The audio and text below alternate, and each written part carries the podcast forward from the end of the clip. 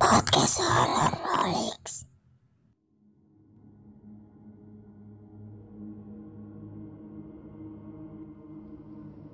Namaku Wahyu. Aku tinggal di Jakarta. Sejak 25 tahun lalu, aku bekerja dan tinggal di sini. Aku sudah menikah dan memiliki tiga anak dari pernikahanku dengan istriku. Usia pernikahanku dengan istriku kurang lebih 18 tahun. Cerita ini bukan tentang istriku saat ini, tapi tentang calon istriku sebelumnya. Seorang perempuan dari daerah asalku, sebuah kota kecil di Jawa Timur. Cerita ini terjadi padaku sekitar 25 tahun lalu, di tahun 1996, saat usiaku 27 tahun. Cerita ini mengenai calon istriku yang sudah pergi ke alam barzah. Aku pernah sangat dekat dengan pernikahan 25 tahun lalu. Tapi, aku dan Yunita, calon istriku saat itu, batal menikah karena sebuah hal yang sulit di logika akal sehat. Tapi nyata terjadi. Dan hal ini berhubungan dengan mantan pacar calon istriku saat itu, yang sudah meninggal dunia atau lebih tepatnya, berhubungan dengan arwah atau korinnya. Begini ceritanya. Aku mengenal Yunita beberapa bulan sebelum acara pernikahan kami, atau lebih tepatnya, rencana pernikahan kami. Karena pernikahan itu tidak pernah dilaksanakan. Aku mengenal Yunita melalui perjodohan antar orang tua kami. Usiaku saat itu hampir 27 tahun, dan usia Yunita hampir 25 tahun. Usia yang sudah cukup matang untuk menikah. Saat itu aku memang belum memiliki pacar, dan orang tuaku akhirnya mengenalkanku pada Yunita, anak dari teman bapak semasa muda yang belum menikah juga. Yunita memiliki wajah yang cantik menurutku. Dan saat dikenalkan dengannya, aku langsung serak dan ingin mengenalnya lebih jauh. Aku tidak keberatan dengan rencana perjodohan itu. Dan beberapa pertemuan keluarga selanjutnya lebih serius membahas mengenai rencana pernikahan kami. Tanggal dan hari pernikahan kami sudah ditentukan. Segala persiapan, mulai dari memesan catering, dekor, memesan undangan, dan mendaftarkan pernikahan ke KUA, juga sudah mulai dilakukan. Semuanya terlihat begitu lancar, dan hari pernikahan kami sudah di depan mata. Sembari mempersiapkan kebutuhan pernikahan, Aku dan Yunita memiliki waktu beberapa bulan untuk saling mengenal satu sama lain. Saat aku mulai mengenal dan mengetahui banyak hal mengenai Yunita itulah, beberapa hal aneh dan susah untuk dilogika mulai terjadi. Yunita bercerita padaku kalau sekitar setahun sebelumnya, dia pernah pacaran dengan seorang pria bernama Bimo. Namun hubungannya dengan Bimo tidak setujui oleh orang tua Yunita. Alasannya adalah latar belakang Bimo dari keluarga miskin dan keluarganya berantakan. Yunita sangat mencintai Bimo, namun pertentangan orang tuanya makin kuat dan Yunita dipaksa untuk berpisah dari Bimo. Yunita dan Bimo tidak mau mengakhiri hubungan mereka. Dan tentunya, makin keras juga pertentangan dari orang tuanya. Beberapa waktu kemudian, Yunita dan Bimo saat itu sedang bepergian dengan sepeda motor di malam hari. mereka mengalami nasib naas. Terjadi kecelakaan pada mereka malam itu. Sepeda motor mereka tertabrak mobil yang menerobos lampu merah. Yunita dan Bimo segera dilarikan ke rumah sakit oleh warga sekitar lokasi kecelakaan. Setelah dirawat beberapa hari di rumah sakit, keadaan Yunita membaik dan berangsur-angsur mulai sembuh. Tapi tidak begitu halnya dengan Bimo. Kondisi Bimo cukup kritis, dan di hari ketiga dirawat di rumah sakit. Bimo tidak dapat diselamatkan dan meninggal dunia. Sejak awal, memang orang tua Yunita tidak merestui hubungannya dengan Bimo. Dan kejadian kecelakaan itu, yang mengakibatkan Bimo meninggal dunia, cukup melegakan orang tua Yunita. Karena akhirnya, Bimo bisa dipisahkan dari Yunita. Tapi sepertinya, arwah atau Korin Bimo belum bisa pergi dengan tenang dan masih ingin bersama Yunita. Walaupun mereka sudah beda dunia. Beberapa kali, Yunita menceritakan padaku mengenai kehadiran arwah Bimo. Tapi aku tidak terlalu menanggapinya dengan serius. Karena aku tidak terlalu mempercayai hal-hal tahayul semacam itu. Lagi pula sudah sekitar satu tahun Bimo meninggal dunia. Menurut Yunita, sosok Korin Bimo sering kali mendatanginya di kamarnya. Walaupun lebih banyak diam dan tidak mengatakan apa pun, Yunita tahu betul Bimo masih ada di sekitarnya. Tidak jarang, sosok Korin Bimo menemani Yunita menjelang tidur malam. Hanya menjaganya dengan duduk di kursi depan meja rias di kamar Yunita. Menurut Yunita, Korin Bimo tidak pernah mengajaknya berbicara. Lebih sering tersenyum tanpa berkata apa pun dan menemani Yunita saat beraktivitas di kamarnya. Tapi hampir setiap hari, Korin Bimo selalu menemuinya. Sebagai orang yang tidak pernah mempercayai tahayul semacam itu, aku tidak terlalu menggubris cerita Yunita mengenai kehadiran Bimo. Aku sadar betul, pasti sangat banyak kenangan indah di antara Bimo dan Yunita. Dan mungkin saja, Yunita masih sedikit depresi dengan meninggalnya Bimo. Cerita Yunita mengenai kehadiran Korin Bimo hanya aku anggap angin lalu saja. Dan aku tetap fokus pada persiapan pernikahan kami. Tapi, sepertinya aku salah. Yunita tidak berhalusinasi mengenai kehadiran Korin Bimo. Terlambat menyadari hal itu. Dua minggu menjelang acara pernikahan kami, kejadian-kejadian mistis yang terjadi barulah menyadarkanku.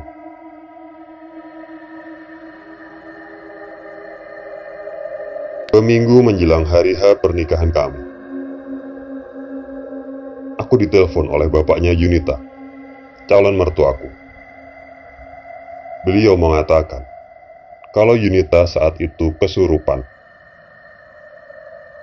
Aku segera menuju ke rumah Yunita. Sesampainya di rumah Yunita, sudah ada beberapa anggota keluarga dan warga sekitar yang berusaha menenangkan Yunita. Tangan dan kaki Yunita dipegangi oleh beberapa orang. Namun Yunita terus meronta dan berteriak-teriak tidak karuan. Matanya melotot, badannya meronta-ronta, berusaha melepaskan diri. Tubuhnya basah oleh keringat. Aku mendekat ke arahnya dan ikut membaca beberapa doa untuk menyadarkannya. Tapi semua sia-sia saja. Yunita tidak bisa dikendalikan dan terus kesurupan. Suasana saat itu menjadi sangat panik. Sudah hampir satu jam, Yunita kesurupan dan belum sadar juga. Yunita terus meronta dan berteriak-teriak tidak jelas. Kalimat-kalimatnya tidak bisa dipahami. Tapi dia terus berteriak dan berusaha melepaskan diri. Yunita baru bisa tenang dan perlahan-lahan sadar setelah Mbah Bejo datang. Mbah Bejo dikenal sebagai orang pintar atau dukun oleh warga sekitar. Mbah Bejo terlihat komat kamit di depan segelas air yang dipegangnya. Lalu menyiramkan air tersebut ke wajah Yunita. Tidak lama kemudian, Yunita mulai tenang dan sadarkan diri. Dia kelihatan linglung atau kebingungan saat kesadarannya kembali penuh. Saat sadar, Yunita bertanya pada kami yang ada di sekitar. Bimo ke mana? Tadi Bimo ada di sini. Mana dia sekarang? Aku langsung merasa merinding saat mendengar pertanyaan itu dari Yunita. Namun aku berusaha menenangkan diri dan menjelaskan ke Yunita bahwa Bimo sudah pergi ke alamnya.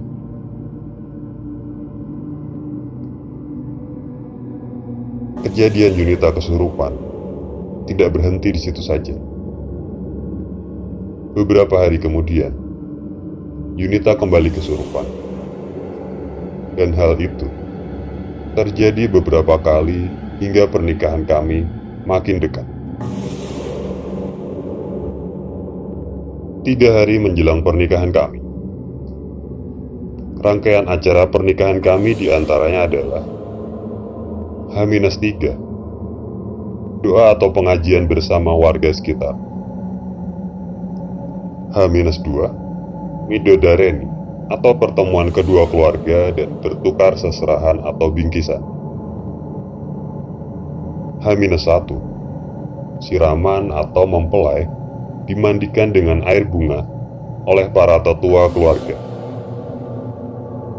Dan hari H adalah akad nikah pagi hari, dilanjutkan dengan pesta atau resepsi di malam hari. Tapi itu hanya rencana kenyataan dari Tuhan bisa berbeda dengan rencana kita.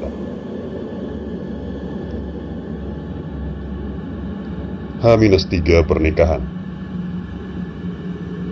Selepas sholat isya, aku, beberapa warga, dan beberapa keluarga sudah berkumpul di ruang tamu rumah Yunita. Menunggu dimulainya acara doa atau pengajian. Saat kami sedang menunggu Pak Ustadz datang, kami tiba-tiba dikagetkan oleh teriakan Yunita dari dalam kamarnya. Dan sesaat kemudian, kehebohan dan kepanikan terjadi di rumah itu. Yunita kesurupan lagi untuk kesekian kalinya. Dan seperti yang sebelum-sebelumnya, Yunita berteriak-teriak tidak karuan. acara yang seharusnya doa atau pengajian bersama berubah menjadi acara yang penuh kepanikan dan kami semua sibuk menyadarkan Yunita yang sangat sulit dipulihkan dari kesurupannya. Sekitar 30 menit, Yunita kesurupan dan setelah dengan susah payah, akhirnya dia berhasil disadarkan kembali.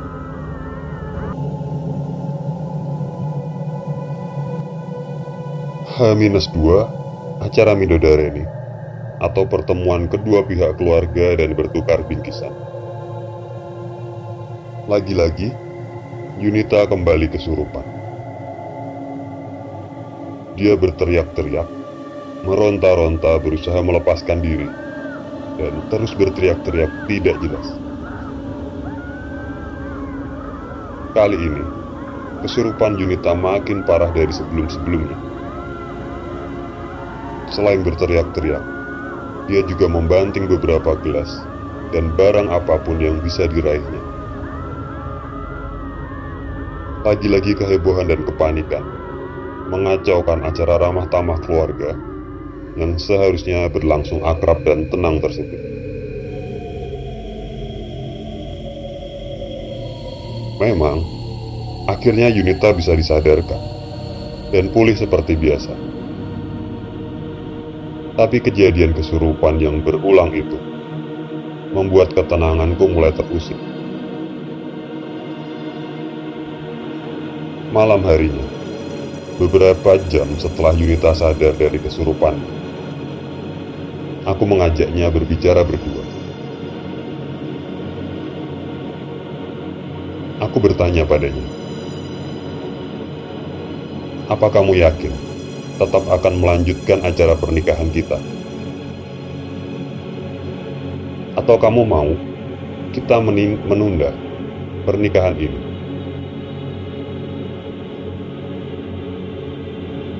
Yunita menjawab, Aku tetap mau lanjutkan pernikahan ini. Tapi Bimo enggak mengizinkan. Bimo enggak membolehkan aku menikah dengan kamu.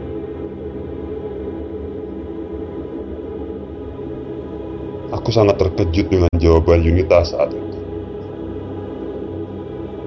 Lalu aku menjelaskan padanya bahwa Bimo sudah berbeda alam dengan kita dan memintanya untuk mendoakan Bimo supaya tenang di alamnya. Yunita menuruti saranku.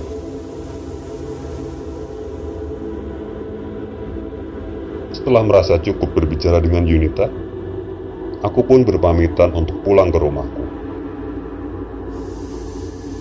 Sebelum pulang, aku meminta pada ibunya Yunita untuk menemani Yunita dan tidur bersama Yunita di kamarnya. Sampai nanti setelah kami resmi menikah. Ibunya Yunita atau calon mertuaku. H-1 acara pernikahan. Hari itu acaranya adalah siraman. Hari itu perasaanku cukup lega dari semalam sampai sore keesokan harinya. Yunita menunjukkan sikap normal. Dan kejadian kesurupan yang beberapa kali terjadi sebelumnya tidak terjadi hingga acara siraman selesai.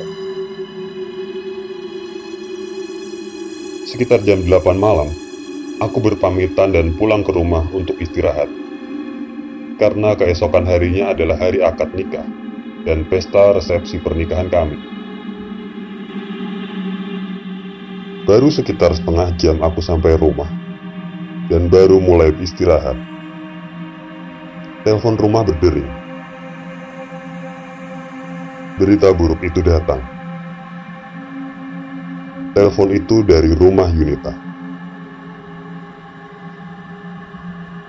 Di ujung telepon, bapaknya Yunita mengabarkan kalau beberapa saat sebelumnya, ibunya Yunita menemukan Yunita tergeletak di lantai kamarnya, dan di samping badan Yunita ada bekas pecahan kaca biru. Pergelangan tangan kirinya tersayat dan mengeluarkan darah yang sangat banyak. Yunita lalu dibawa oleh keluarganya ke rumah sakit terdekat untuk diselamatkan. Setelah menutup telepon itu, ditemani kakakku, aku segera bergegas berangkat ke rumah sakit. Pikiranku sangat kacau saat itu dan sangat mengkhawatirkan keadaan Yunita, calon istriku. Nasib buruk itu akhirnya nyata.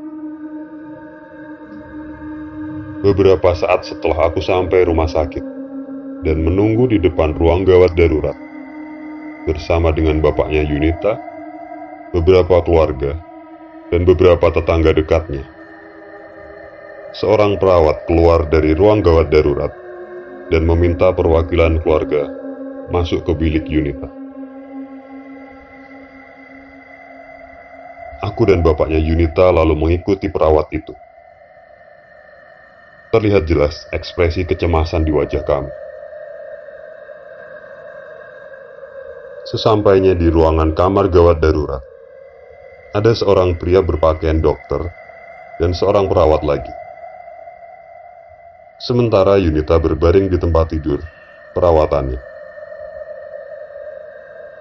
Setengah badannya tertutup selimut putih, biru garis-garis.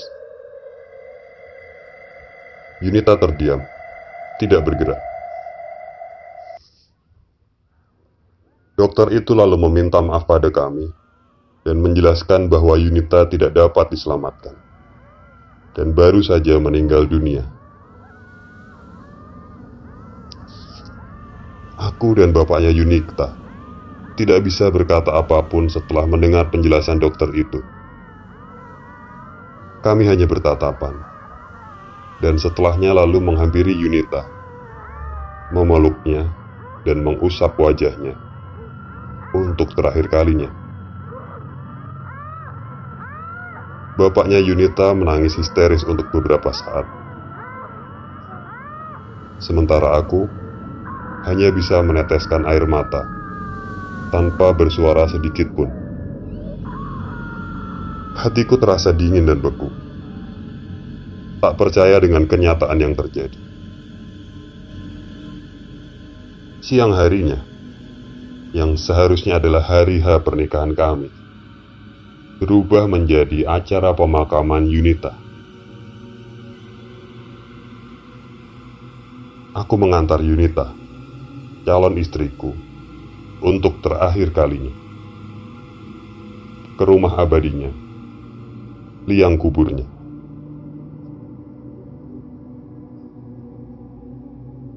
Selepas sholat isya, setelah selesai acara pengajian di rumah Yunita, aku meminta izin pada orang tuanya untuk masuk ke ruang kamar Yunita.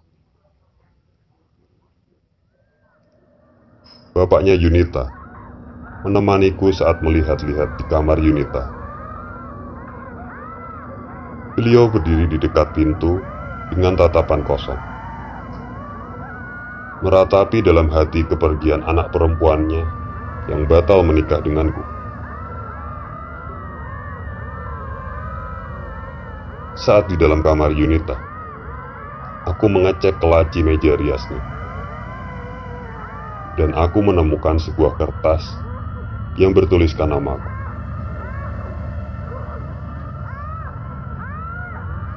Untuk Mas Wahyu. Mas, maaf Yunita enggak bisa mewujudkan rencana kita sebagai suami istri. Dia menjemputku. Yunita pamit ya mas.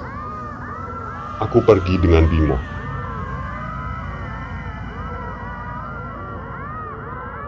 Begitulah bunyi surat singkat itu. Yang sepertinya dituliskan Yunita beberapa saat sebelum dia mengakhiri hidupnya dengan pecahan kaca piring yang disayatkan ke pergelangan tangannya. Saat Bimo menjemputnya dan pergi ke alam barzah bersama cinta sejati.